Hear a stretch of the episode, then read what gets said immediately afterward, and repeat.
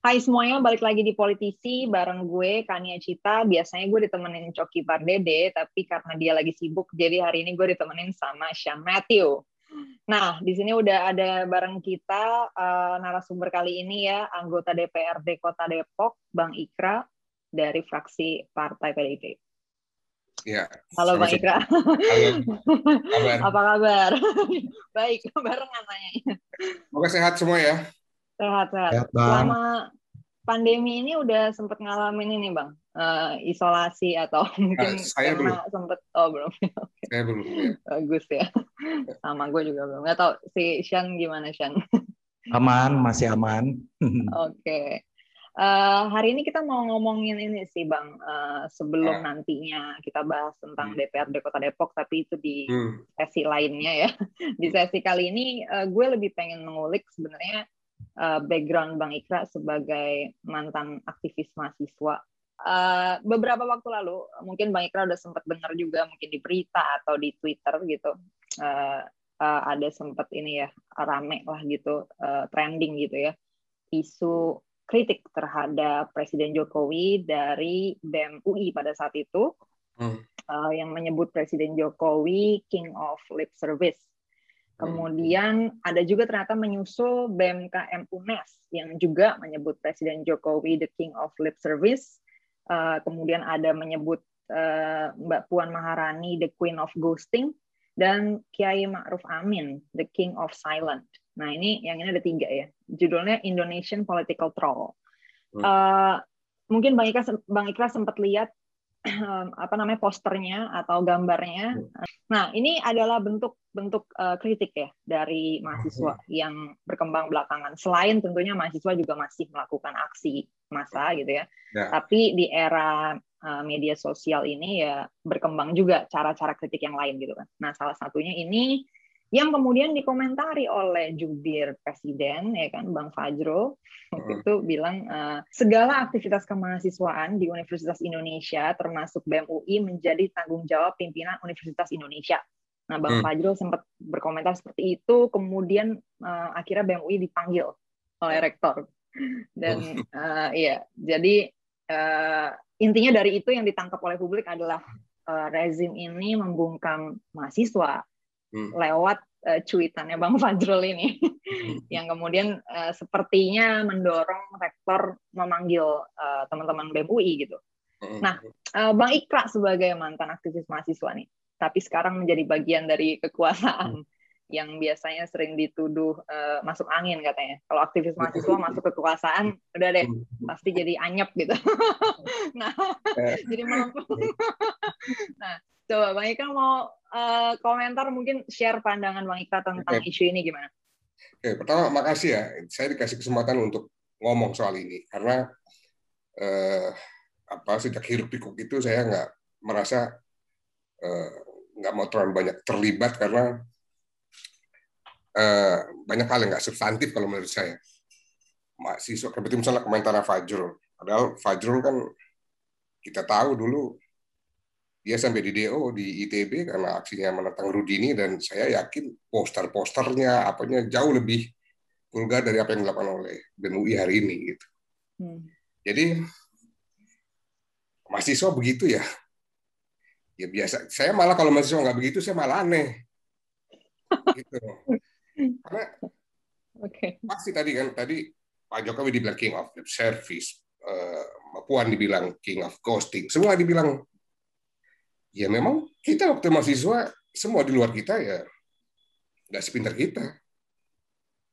Ada ada sikap itu gitu loh. Ya saya juga kan mengalami itu. Saya yakin semua aktivis mahasiswa pada saat itu pasti mengalami itu bahwa eh, ya, kayaknya memang kita yang lebih yang lebih ngerti tentang apa yang harus dilakukan di republik ini. Hmm, hmm. Dan itu eh, satu proses yang harus dialami oleh mahasiswa. Jadi saya kira jangan di yang saya heran kan Pak Jokowinya aja udah dia bilang nggak ya nggak masalah wajar dalam demokrasi kan begitu Pak Jokowi.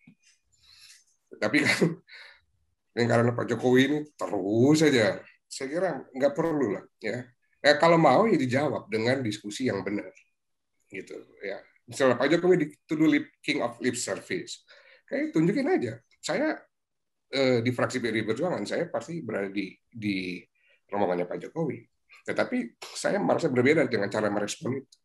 Jawab aja itu bahwa uh, ini janji Pak Jokowi, ini yang sudah dikerjakan, ini yang belum, ini yang terkendala. Kenapa terkendala? Ada seterusnya. Jawab aja ya kan.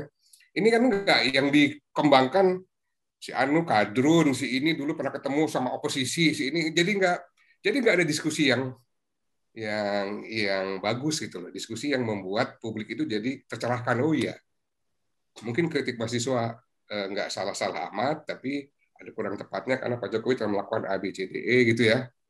Nah, ini masih ada sisa waktu untuk menjalankan janji-janjinya. Hari ini kita fokus untuk COVID dan sebagainya. Kan itu bisa dijelaskan sebetulnya.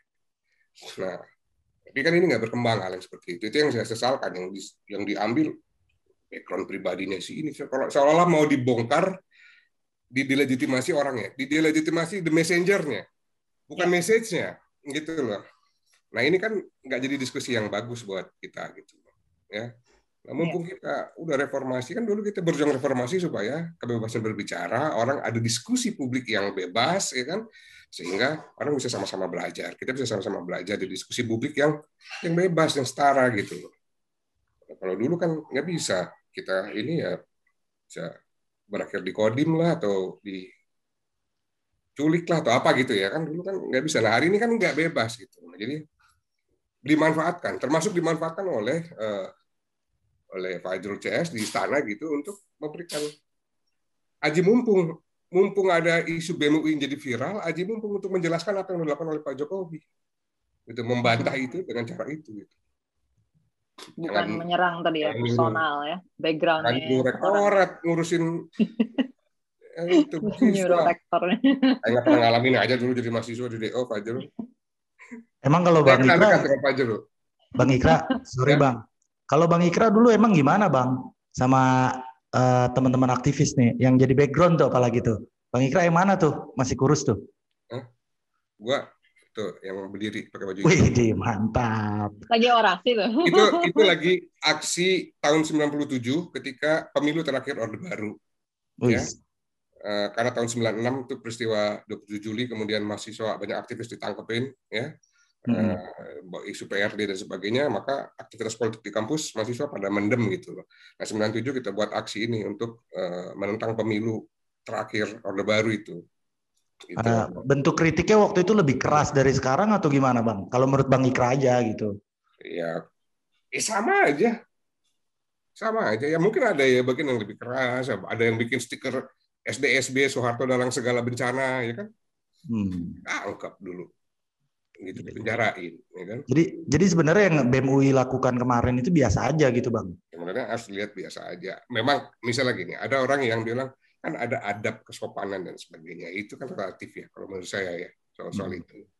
Nah sebagai pemimpin kita masih kasih contoh gitu bahwa eh, yang saya bilang sebagai pemimpin itu bukan cuma Pak Jokowi tapi juga apa eh, kekuatan di belakang Pak Jokowi kita kasih contoh gitu bahwa ya kita jawab dengan baik tuh anak-anak mahasiswa itu.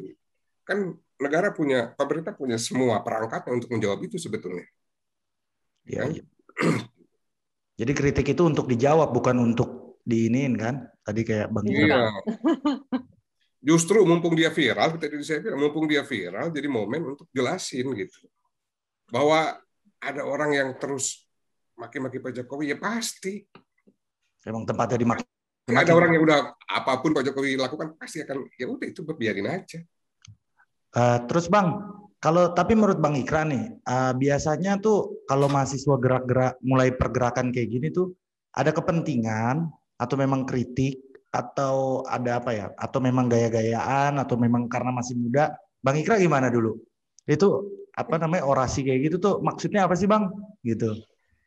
Ini dalam politik itu kan kita nggak bisa nggak bermain di ruang hampa. Jadi bisa aja, misalnya bisa aja gerakan 98 emang nggak ditunggangi atau nggak ada orang yang mau menunggangi itu. Ya pasti ya. ada. Saling tunggang menunggangi apa segala macam itu ada-ada aja. Tapi kalau kita terlalu mikir kayak begitu, ya nanti mahasiswanya jadi nggak mau kritis karena dia takut kalau bergerak nanti ditunggangi. Nah, itu sama persis kayak dulu Orde Baru kan begitu juga. Setiap ada gerakan ini, awas provokator awas ditunggangi. tunggangi PKI nih gitu. Dulu kan begitu. Nah, kitanya jadi takut. Nah, nggak apa-apa ya silakan selama dia ada di di di di apa uh, jalur kebebasan akademiknya itu ya di kampus bebas berbicara. Jadi saya sih memandang mahasiswa ini punya hak untuk berbuat salah kok. Jadi hmm. juga jangan kita minta misalnya kalian harus punya konsep dong. Itu tugas para menteri, Bapenas dan sebagainya kalau punya konsep yang jelas. Iyalah. Nah, mahasiswa ya silakan kembangkan pikiran kalian berhak untuk salah. Mumpung masih di kampus. Jangan sampai udah mimpin salah. Iya iya iya. Mumpung masih di kampus kalian berhak untuk salah. Nah tapi belajar dari kesalahan itu gitu. Belajar dari setiap kesalahan memperbaiki diri dan seterusnya. Itu loh. Kalau ditakut-takutin takut salah takut salah nanti kapan belajar mereka? Ya bang. Kan selama pandemi ini kan nggak mungkin mahasiswa turun ke jalan nggak bagus juga gitu karena penyebaran virus dan sebagainya. Nah mereka akhirnya kan membawa energi mereka gitu kan, semangat mereka untuk kritik ke pemerintah melalui sosial media gitu, Instagram, YouTube dan sebagainya. Tapi mereka juga banyak kritik ya bang. Kritiknya lagi, ketika mereka mengkritik banyak juga yang direpresi melalui undang-undang ITE gitu. Ah, nah, maksud, maksudnya dalam hal ini itu kan membuat mereka jadi lebih lebih apa ya, lebih hati-hati juga gitu. Hmm. Kalau Bang Ikra mungkin had, berhadapannya zaman zaman Bang Ikra ya, itu kodim tadi kan dibilang hmm. atau apa. Kalau sekarang undang-undang ITE bang, nah abang sebagai aktivis gimana nih bang melihatnya? Undang-undang ITE itu uh, bisa jadi karet ya, di, diterjemahkan karet oleh aparat uh, penegak hukum gitu, terutama untuk mem membedakan mana yang kritik, mana yang penghinaan gitu ya. Iya. Nah, itu kan kadang-kadang uh, bisa diperlakukan interpretasi dari aparat penegak hukum. Nah, tapi nah, masih nah ini sekalian saya jawab nih yang lip service itu. Salah satu tuntutan BMUI yang dibilang lip service itu kan misalnya katanya mau revisi undang-undang ITE, tetapi yeah. malah bikin SKB tiga menteri gitu ya. Hmm. Nah, malah mau bikin omnibus law-nya katanya. Nah, sekarang saya kasih tahu begini. Di SKB itu kalau saya pelajari ya, justru ada beberapa hal yang selama ini saya pribadi khawatirkan dipertegas di situ tentang mana dikasih batas yang mana yang disebut dengan penghinaan, mana yang disebut eh, kritik gitu ya, mana yang bisa dipidanakan, mana yang tidak, gitu. Mana yang aduan, mana yang bukan aduan. Jadi sekarang nggak bisa tuh misalnya Pak Jokowi, penghinaan terhadap Pak Jokowi, itu diadukan oleh kelompok lain. Harus Pak Jokowi yang mengadukan ya. pihak yang merasa dihina gitu loh. SKB itu menjelaskan itu gitu loh. Nggak bisa lagi. Menegaskan ya bang. Menegaskan gitu lah. Oke, lebih baik kan dijawab seperti itu.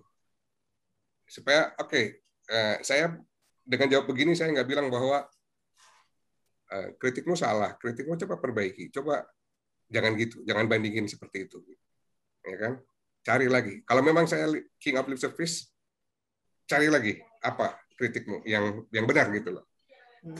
Nah, yang lebih tajam gitu bang maksudnya. Ah, soal itu saya sudah jawab gitu soal undang-undang tadi itu revisi undang-undangnya kan. Nah dijawab aja supaya jadi diskusi nanti BMUI-nya bikin lagi diskusi lagi apa gitu ya kan. Iya. Kan nah, asik gitu dibaca orang. Orang juga jadi ngerti oh iya ya, oh begini ya gitu kan. Iya. Mungkin tujuannya BMUI kayak gitu bang, nggak tahu juga kan. Tapi baru upload Instagram kayak gitu aja dipanggil rektorat, katanya disuruh take down, ya kan? Terus diajak debat juga sama dosen UI juga. Itu gimana tuh Bang berarti? Ya, apa Emang begitu resikonya atau gimana? Lebih baik yang debat itu. Lebih baik yang debat? Iya dong. Rektorat nggak usah jangan maksa. Ajak debat, ajak diskusi coba. Uh, Bang Ikra, ada ini nggak sih tanggapan per poin untuk kritik-kritiknya BMUI itu yang ada di posternya? Poin pertama, uh, Pak Jokowi pernah ngomong di sini dikutip ya, saya kangen sebetulnya di demo karena apa? Apa pun apa pun pemerintah itu perlu dikontrol. Pemerintah hmm. itu perlu ada yang hmm. peringatin kalau keliru. Hmm. Hmm. Jadi kalau nggak ada demo itu keliru. Jadi sekarang saya sering ngomong di mana-mana tolong saya di demo. Pasti saya suruh masuk kata uh, Pak Jokowi. Hmm. Uh, tanggal uh, eh, 8 November. Kemudian ada headline berita di sini temuan tindakan kekerasan aparat dan pembungkaman negara terhadap aksi-aksi protes menolak Omnibus Law. Kemudian hmm. ada headline lainnya lagi, May Day 2021, Jakarta berakhir dengan kekerasan, pembatasan, dan penangkapan ratusan orang. serta penghalangan akses bantuan hukum. Kemudian kontras terima 1.500 aduan kekerasan aparat selama demo tolak UU Cipta Kerja. Hardiknas 2021 lagi aparat tangkap mahasiswa. Hmm. Intinya dia melampirkan beberapa headline berita Hmm. uh, tentang penangkapan ya, Ya. demonstran, uh, Hmm. ya dan lain sebagainya. Nah, ini menjadi salah satu basis untuk menyebut Pak Jokowi uh, King of Lip Service. Hmm, hmm. Bang Ikra melihatnya gimana? Eh, saya nggak bilang itu sebagai lip service ya. Artinya saya nggak bilang bahwa Pak Jokowi eh, nggak suka di demo. Saya dalam beberapa kali kesempatan gitu, saya bisa pahami Pak Jokowi orangnya sebenarnya santai-santai aja kalau mau di demo gitu. Nah, peristiwa-peristiwa yang tadi itu ada beberapa soal seingat saya. Terakhir yang misalnya hari buruh itu ya, hari buruh mahasiswa ditangkap sama polisi. Polisi bilang kan kamu mahasiswa bukan buruh. Nah, itu kan menurut saya agak overrating polisi ini. Gitu. Ya. Dulu saya malah dorong supaya mahasiswa ikut eh, aksi buruh gitu loh. Ya. Nah, nah, itu menurut saya kasus overacting di kepolisiannya gitu. Kenapa sih kok mahasiswa nggak boleh ikut aksi gitu? Nah, yang kedua, eh, gini, dalam sebuah aksi apalagi yang besar, yang memang dipersiapkan untuk total, ya, maka baik baik terutama di sisi mahasiswanya ya saya dulu gitu ya, ya pasti bersiap untuk bentrok, mau nggak mau. Misalnya, eh, boleh demonstrasi tapi jangan boleh lebih dari jam 6. Ya kan? Tapi kan mahasiswa nggak mau. Gua mau sampai jam 7 kalau sampai besok gua nginep di sini, ya kan? Itu harus siap dengan bentroknya. Bentrok.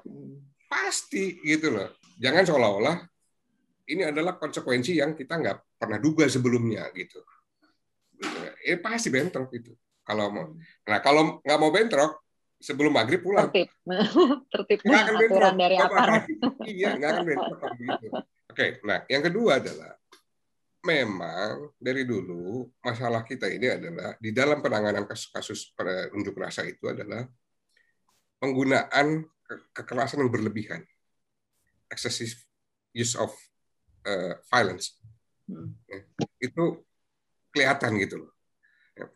Sebetulnya penanganan huru hara boleh nggak dibubarin soalnya? Boleh, mau bubarin ya silakan bubarin. Tapi kalau orang udah begini, udah tunduk, ya jangan dikebukin lagi. Anggap aja gitu loh. Gitu. Hmm. Nah ini kan enggak, di kita ini kan ngelihat, ya walaupun alasannya kan polisi juga masih manusia, punya emosi apa segala macam. Ya, Ya. ya bos, itulah kenapa kalian jadi istimewa. Harus bisa nahan emosi. Karena kalian Ya. dilengkapi dengan apa monopoli alat kekerasan. Iya. Maka kalian harus menahan emosi. Keistimewaanmu di situ gitu loh. Nah, eh, jadi perlu nggak, eh, boleh nggak ini dibubarin? Oke, secara undang-undang dibolehkan. Tetapi yang namanya penggunaan cara membubarkan itu ya harus sesuai dong dengan aturan-aturan. Kemudian itu bukan khas, bukan khas pemerintahan Jokowi. Itu memang problem yang inherent di kepolisian, di angkatan Kepolisian. senjata gitu ya, yang saya yakin pasti Kapolri mana pun juga merubah ini kan terus terus gitu loh. Ya. Di, dikasih diajarin soal, soal SOP bahkan ada pendidikan HAM segala macam tapi kan merubah karakter dari otoritarianisme ke ini kan ya saya sih berharap bisa cepat tapi ternyata nggak cepat nggak nggak bisa begitu. Jadi saya tetap mendukung kok teman-teman LBH dan Kontras melaporkan ini ada kekerasan supaya Polri juga berkaca gitu loh ya. Belajar dari pengalaman itu ya jangan sampai ada kekerasan yang berlebihan Ya. ya kalau yang orang bawa bawa apa alat yang akan merusak eh, sarana publik dan sebagainya ya tangkap. Eh, alat kekerasan digunakan ketika orangnya melawan penangkapan. Nah, gunakan pakai aja nggak apa-apa boleh. Bahkan polisi kan boleh nembak. Ya kan? Kalau misalnya orang itu bawa parang mau ya. mau bunuh polisi ya dia boleh nembak. Hmm. dibolehkan oleh undang-undang. Cara saya menjelaskan bahwa Pak Jokowi nggak dalam soal itu dalam soal eh, silakan di demo itu dia nggak lip service. Demo aja. Kan tuh banyak demo yang lain. Nggak cuma demo mahasiswa. Biasa-biasa aja nggak diapa-apain. Gitu. Hmm, hmm. Jadi Gitu. konteks uh, bentrok dan kemudian ada kekerasan aparat segala macam ini juga sebenarnya uh, sering kali juga sudah di luar kendali dari presiden juga ya. Maksudnya kan Pasti. ya Saya percaya kan juga. Pak Jokowi bilang gini, Pak Kapolri sikat gitu enggak mungkin. Enggak, saya percaya Pak Jokowi Gitu ya. Iya. Satu poin lagi ya Bang Ikra tadi kan yang UIT udah dijawab ya. Ini ada satu lagi nih yang tentang KPK. Katanya perkuat KPK, tapi kok gitu ya. Nah, terus di sini ada eh, tulisan nih, katanya penguatan KPK kata Jokowi perlu dilakukan dengan penambahan penyidik. Penambahan penyidik dilakukan supaya KPK semakin kuat. Nah, terus ini dikutip dari omongannya Pak Jokowi, kemudian memperbanyak penyidik yang ada. Saya kira ribuan lah perlu ditambahkan agar kekuatan KPK betul-betul sebagai institusi yang betul-betul begitu kuat. Faktanya, ini pakai headline berita lagi ya, deretan upaya pelemahan KPK dari revisi UU, kontroversi Firly Bahuri, hingga tes alih status ASN. Oke. Gimana Bang Ika? Saya kalau soal KPK saya punya pandangan sendiri boleh ya? Boleh. Karena dulu Bang. saya sempat di waktu ICW pertama kali di bang, dibentuk kan saya bekerja di ICW. Mm-mm. Bahkan pada saat eh, kita mulai mulai mengusulkan satu lembaga transisional ya apa lembaga transisional justice kira-kira gitu ya untuk mengurus korupsi yang akhirnya dibentuk KPK ini saya masih ikut tuh di dalam itu gitu. Nah, apakah dengan yang dimaksud oleh teman-teman mahasiswa itu ya untuk jangan dilakukan ABCDE itu menguatkan KPK? Ya enggak juga kalau menurut saya. Gitu loh. Karena KPK bermasalah iya. Kalau menurut saya KPK bermasalah ya, bermasalah. Gitu loh. Karena harusnya dengan apa yang yang dimiliki oleh KPK, ya, KPK itu punya kekuasaan yang drakonian. Hmm. Dia penyidik, penyelidik, dia penuntut juga, dia bisa nyadap, bisa bisa apa pun KPK ini diberikan kewenangan untuk itu. Ya. Ya, nah dengan dengan dana yang diberikan harusnya kita punya progres yang ya korupsi sekarang ya masih gitu-gitu aja kan sebetulnya. Coba berapa orang yang ditangkap? Efeknya buat penurunan tingkat korupsi kita. Kalau orang ngomong kan indeks korupsi kita sempat membaik, saya saya kasih tahu nggak cuma peran KPK di situ di indeks korupsi itu. Bahkan salah satu unsur yang cukup besar dalam penilaian indeks korupsi adalah kemudahan berinvestasi. Itu bukan urusan KPK itu. Itu urusan di mana Justru deregulasi ya. Ya, dari regulasi pemerintah daerah misalnya bikin satu atap, belum yang e budgeting, e apa dulu Ahok bikin misalnya di DKI. Nah, rame-rame pemerintah daerah bikin itu, pemerintah pusat mendorong bikin itu. Nah, itu juga salah satu unsur untuk membentuk indeks korupsi, bukan hanya prestasi KPK itu. Gitu loh. Oke. Nah, saya memandang KPK itu harusnya karena dia sebenarnya lembaga transisi. Tetapi berniat untuk jadi lembaga permanen. Ya nggak akan mungkin bisa, Mbak. Nggak akan mungkin bisa bersihin korupsi di seluruh Indonesia, dari Sabang sampai Merauke, di mana dia cuma ada di Jakarta. Dulu bayangan kami adalah waktu di ICW, kami belajar dari apa yang ada di Hong Kong misalnya. Eh, Dari masyarakat otoriter yang korup menuju masyarakat demokratis yang harus bersih dari korupsi, bertransisi. Masalahnya adalah eh, lembaga penegakan hukum adalah bagian dari korupsi masa lalu. Jadi nggak bisa pakai ini. Harus bikin satu lembaga lagi. Istilah gini, nggak bisa bersihin rumah dengan sapu yang kotor. Maka harus bikin satu satu eh, kerja yang tugasnya sebenarnya utamanya adalah bersihin sapu kotor itu. Gitu. Nah setelah itu maksudnya sapu kotor ini yang Tetap balik pakai sapu itu lagi gitu ya, bersihin ruangannya. Nah, sekarang gini, oke banyak penangkapan oleh KPK, Nah, itu tapi saya nggak pernah dengar ada diskusi tentang program pencegahan yang dilakukan oleh KPK dengan dana triliunan itu apa aja sih dan sudah sejauh mana gitu apakah eh, KPK juga melakukan pendidikan dengan eh, eh, dinas apa Kementerian Pendidikan melakukan dengan pemerintah daerah sejauh mana sih sebetulnya KPK melakukan padahal itu juga ada di undang-undang KPK loh sebagai salah satu fungsi dan tugasnya KPK pencegahan gitu ya edukasi dan sebagainya itu sejauh mana sih KPK melakukan gitu. Nah, jadi KPK bermasalah ya. Tetapi apakah eh, solusinya adalah di dalam perubahan undang-undang KPK? Ya oke itu debatable. Ya, debatable. Tetapi intinya dalam posisi saya memandang KPK jangan diutak-atik seperti yang lama itu juga nggak nggak solutif bagi pemberantasan korupsi kita hari ini. Kita bentuk KPK yang kenapa sih nggak bisa kayak KPK Hong Kong gitu? KPK Hong Kong fokus pada satu, misalnya bersihin polisi aja. Hmm. Sikat pompe polisinya bersih, kemudian yang namanya anggota DPR, eh, anggota apa partai politik, anggota DPR segala macam polisi yang nangkepin. Nyikat polisi gitu ya. Kan gini, polisian, polisian, kejaksaan itu kan sampai ke daerah-daerah, Polisian sampai tingkat kecamatan, hmm. eh, kejaksaan sampai tingkat eh, kabupaten kota, ya kan? Ada. KPK cuma ada di Jakarta. Kamu mau mantau ini semua mau gimana? Gitu loh. Nah maka harus punya fokus kerja. Kalau semua dihantam artinya semuanya mediocre.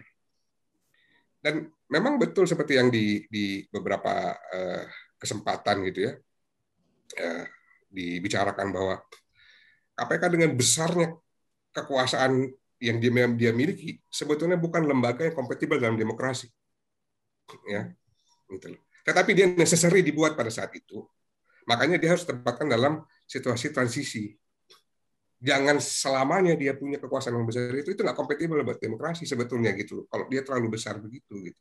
Ada lembaga yang seperti itu. Nah, harapan saya sebetulnya kayak ini anti korupsi Hong Kong udah nggak ngurusin lagi penangkapan, penindakan dan sebagainya hari ini. Ya, mereka sudah yang lebih ke pencegahan lebih banyak itu. Saya sih berharap KPK bisa bisa jauh lebih efektif, efisien. Apakah dengan revisi undang-undang ini bisa? Ya kita lihat aja. Kalau nggak bisa kita rubah lagi aja nanti.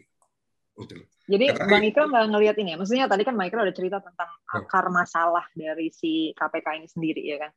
Dan uh, ya overall tuh cukup jelas ya basis argumennya. Tapi kan kemarin dipermasalahkan kan justru langkah-langkah ke depannya kan. Maksudnya uh, tadi Bang Ikra sempat bilang ya kalau misalnya ini bisa bikin lebih baik ya bagus gitu kan kalau enggak ya udah kita ganti lagi tapi kan uh, yang publik pertanyakan kan justru bagaimana mungkin uh, eh, UU yang dianggap buruk gitu oleh orang-orang masa bisa jadi membawa ke arah yang lebih baik misalnya gitu bukan cuma UU KPK tapi juga uh, soal-soal itu tes tes uh, TWK sampai dijadiin memes uh, TWK wak wak wak wak tes wawasan kebangsaan gitu uh, iya maksudnya uh, masyarakat yeah. mungkin melihatnya uh, apakah produk-produk seperti ini berpeluang ya untuk membawa kita ke arah yang lebih baik ya? Maksudnya misalnya kita terima ini kan tadi kritik-kritik uh, bang Ikra dan tentunya banyak pihak juga yang melihat masalah ini ya ya kan? Karena of course kalau misalnya ada suatu lembaga yang uh, apa ya terlalu powerful ya too powerful ya kan? Nggak ada checks and balances yang sehat ya pasti nggak kompatibel juga dengan demokrasi. Dan benar bahwa harusnya ke depannya ya dia justru membersihkan sapunya gitu kan nah tapi misalnya oke okay, kita mau bergerak ke sana Nah, pertanyaan publik adalah apakah revisi UU KPK dan tes wawasan kebangsaan itu mengantar kita ke sana gitu? Ini kan goreng-goreng goreng-goreng. Saya sih beranggapan begini, yang dipersoalkan jangan udah terlambat kalau ngomongin soal tes wawasan kebangsaan. Yang dipersoalkan sebetulnya setuju nggak pegawai KPK ini ASN? Hmm. Gitu loh. Karena tes wawasan kebangsaan ini tidak berkaitan dengan undang-undang KPK, berkaitan dengan undang-undang ASN aturan soal ASN. Jadi ketika dia mau dipindah ke jadi ASN, dia harus mengikuti prosedur sebagaimana ASN lain. Ya. Jutaan ASN yang ada di Indonesia gitu Nah, dia harus ikutin itu sama. Nah, pertanyaannya sebetulnya mereka harusnya ASN atau enggak? Kalau ASN mereka harus ikutin. Banyak hal banyak hal juga saya saya nggak berpretensi saya tahu semuanya. Banyak hal saya nggak tahu. Ya. Nah, tetapi yang saya inginkan semua ketika berdiskusi itu karena kecenderungannya begini, yang ini salah terus, yang ini benar terus. Nggak ketemu-ketemu. Tapi makanya jadi saya bilang, belum tentu loh yang dibuat undang-undang KPK ini bisa memperkuat KPK. Tetapi mempertahankan KPK model lama ini udah kalau buat saya nggak benar gitu loh. KPK tetap harus di, di dirubah. Udah saatnya KPK ini di, diperbaiki gitu loh. Memandang bahwa KPK yang udah ada ini adalah sebagai sesuatu yang sempurna, nah, itu menurut saya salah. Gitu. Tetapi saya tetap bilang kita perlu KPK. Cuma KPK seperti apa? Kalau KPK yang model lama, kita udah tahu 19 tahun ya begini. Gitu. Nah, saya nggak dalam posisi untuk banyak bicara soal, eh, nggak bisa terlibat banyak dalam soal pengurusan eh, perumusan undang-undang gitu ya. Harusnya kan itu dilakukan oleh teman-teman yang di NGO. Waktu saya dulu di ICW juga mendorong, melobi supaya isinya begini apa segala macam. Nah, tapi kan ini kan seperti apa ya? Seperti yang satu curiga yang ini mau rubah, yang satu mau ah gitulah. Jadi ya gini hari ini ribut gitu loh. Tapi saya sih distrust juga ya. ya udah. Distrust Ini kan udah terjadi nih, udah di proses politik udah ada. Ya. Ya udah, sekarang dengan dengan apa yang udah ada hari ini kita lihat KPK mau kayak apa bekerja.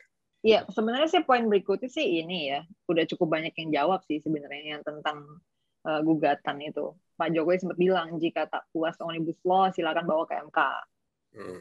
Nah, terus uh, pada saat di MK pemerintah itu kan uh, memberikan argumen kan, pemerintah memohon kepada yang mulia Majelis Hakim MK RI beserta anggota majelis untuk memberikan putusan sebagai berikut. Nah, terus ada beberapa argumen lah intinya rekomendasi putusan. Hmm. Nah, terus itu dianggap sebagai uh, lip service lagi-lagi. Uh, Bang Ikram mau menanggapi ini atau uh, kalau dari aku pribadi sih udah sempat lihat ya jawaban-jawabannya di mana-mana. Iya, udah. Hmm. Pak Jokowi merespon situasi hari ini dan dia memandang apa yang baik buat hari ini itu ya dia harus regulasi harus diregulasi atau membuat regulasi baru yang sedemikian rupa sehingga muncul omnibus law. Gitu kan?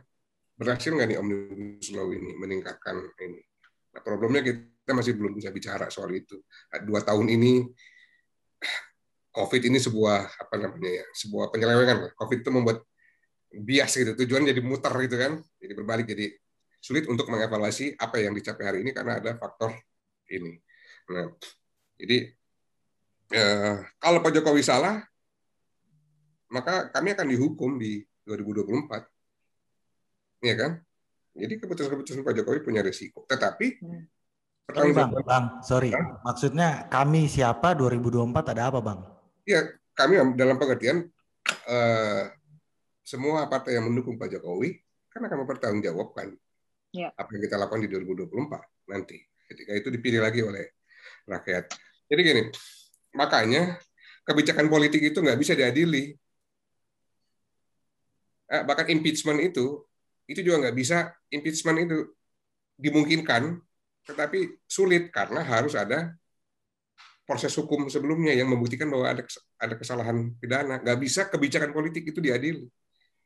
Hmm. Dia bisa diadili oleh oleh rakyat nanti pada saat pemilu, ya, pemilu. gitu. Jadi okay. salah satu tolak ukurnya kayak gitu gitu, lip service iya. atau enggak? Iya, nanti kita kita bakal akan dipilih lagi partai-partai pendukungnya gitu ya, Bang. Iya. Musuhnya nih.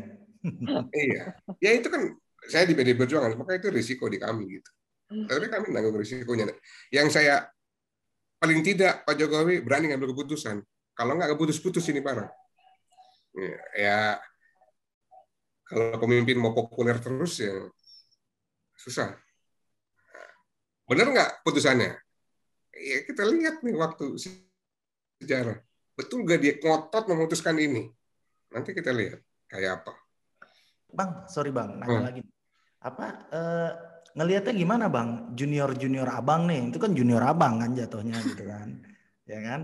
Dan dan apa namanya eh, politisi seperjuangan gitu, separtai ya kan? Itu ya. gimana tuh Bang di tengah-tengah kayak gitu Bang? Terus kalau saya sih memandang mereka ya terus banyak baca ya. ya. Itu bukan segini. Saya nggak dalam posisi untuk menjudge ya apa yang mereka lakukan gitu ya.